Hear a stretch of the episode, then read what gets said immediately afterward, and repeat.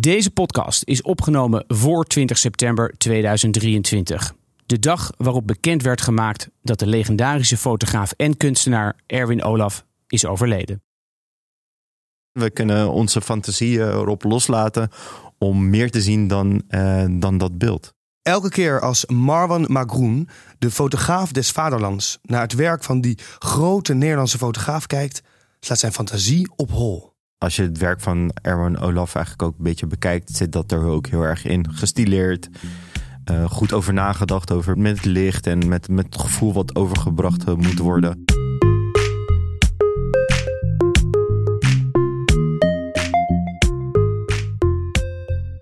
Dit is Het Geheim van, een podcast van Nationale Nederlanden, partner van het Nederlands Fotomuseum. Mijn naam is Splinter en in deze podcast ga ik op zoek naar het geheim van het wereldwijde succes van Nederlandse kunstenaars. In deze aflevering het geheim van Erwin Olaf. Hij is bekend geworden door zijn shockfotografie uit de jaren 80. Expliciet naakt, agressief en uitbundig geanceneerde fotografie. Maar ook vrij gevochten. Erwin Olaf zijn werk laat zich lezen als een soort dagboek waarbij wij, de kijker, mee worden genomen in zijn eigen realistisch ogende droomwereld. Of, zoals Erwin Olaf het zelf ooit zei in een interview. Ik wil het allemaal mooier maken. Dat is eenmaal een hele rare eigenschap. Maar ik vind het gewoon veel leuker om de mooie dingen te kijken dan de lelijke dingen. Dus uh, ik ben bezig om dit, met dit hele leven te componeren. En dan op mijn, in mijn droom. Zoals ik denk dat het leven er mooi uit zou zien.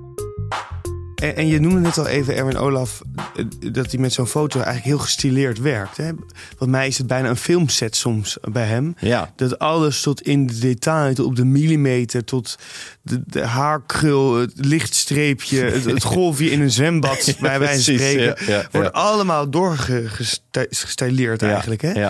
Dat is bijna obsessief, zou je bijna kunnen zeggen. Ja. Is dat, dat, is, dat is wel, denk ik, uniek aan zijn werkwijze voor mensen die niet weten hoe hij werkt. Is, is dat het wel? Het is een beetje hoe hij werkt, toch? Ja, weet je wat, wat hij ook heel erg goed doet, is dat, je, dat hij jou meeneemt naar een andere tijd, naar een ander gevoel, naar een emotie. En dat is ook gewoon iets wat met kleur te maken heeft, doordat je het stileert. Er komt toch een focus op een verhaal? Ja, wat je en dat, dus er meer een afstand is tussen de geportretteerde en de fotograaf zelf. En bij mij is dat eerder een, een samenspel. Olaf is de regisseur en maakt foto's zoals een schilder vroeger portretten maakte. Hij stuurt zijn modellen. Het is geen straatfotografie of documentaire. Nee, Olaf heeft een beeld, een gevoel in zijn hoofd dat hij tot uiting wil laten komen voor de camera. Het is een ode aan de verbeelding. En de nuance van de emotie zit hem in de details.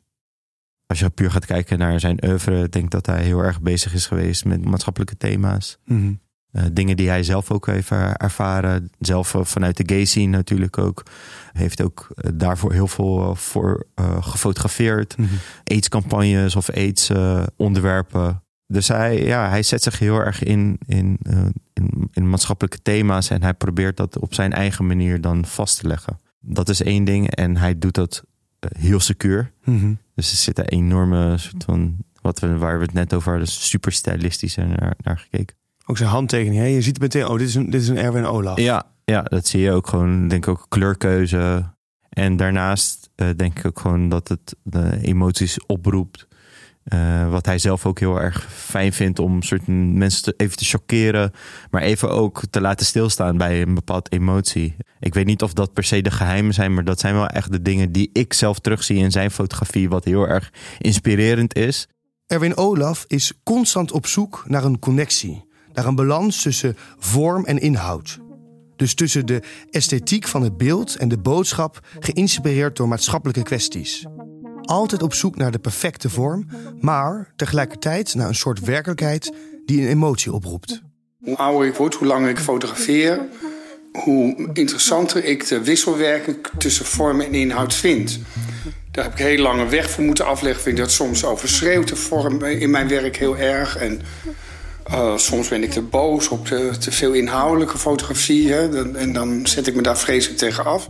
In zijn werk verschuift de focus van opwinden in kwaadheid naar thema's zoals kwetsbaarheid en eenzaamheid. Erwin Olaf gebruikt ook zichzelf als model in zijn verhalen. Iets waar Marwan Magroen enorm respect voor heeft.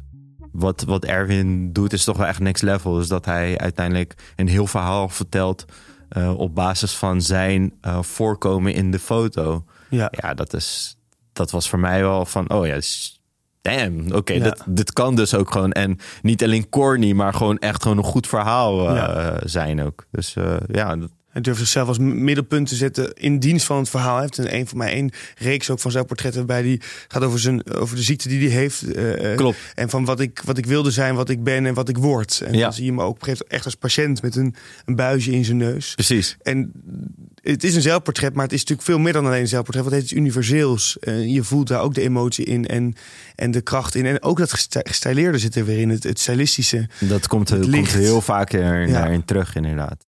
Zijn erfelijk longemfyseem weerhoudt Olaf er niet van om te blijven werken, te blijven vernieuwen.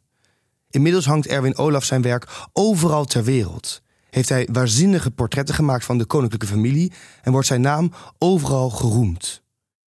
En ook al komen al zijn ideeën uit zijn hoofd, hij blijft van één ding afhankelijk. Dus één ding wat heel erg onderbelicht is dat fotografie echt mensenwerk is.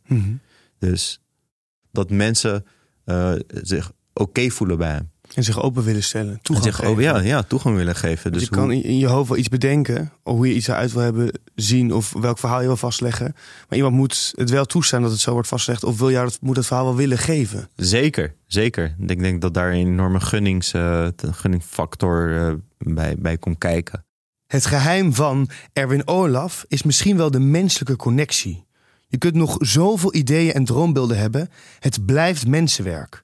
En die menselijke connectie geldt zeker voor Olaf.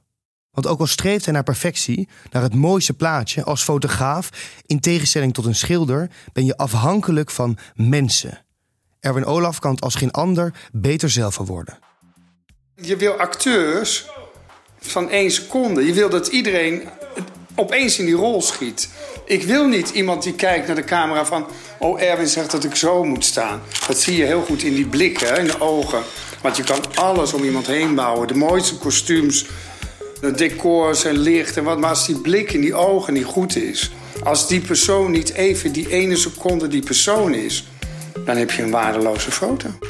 Dit was Het Geheim van, een podcast van Nationale Nederlander, supporter van alle kunstontdekkers. Mijn naam is Splinter en in andere aflevering ontdek je ook de geheimen van bijvoorbeeld Mondriaan en Escher. En heb je van deze podcast genoten? Laat dan een review achter.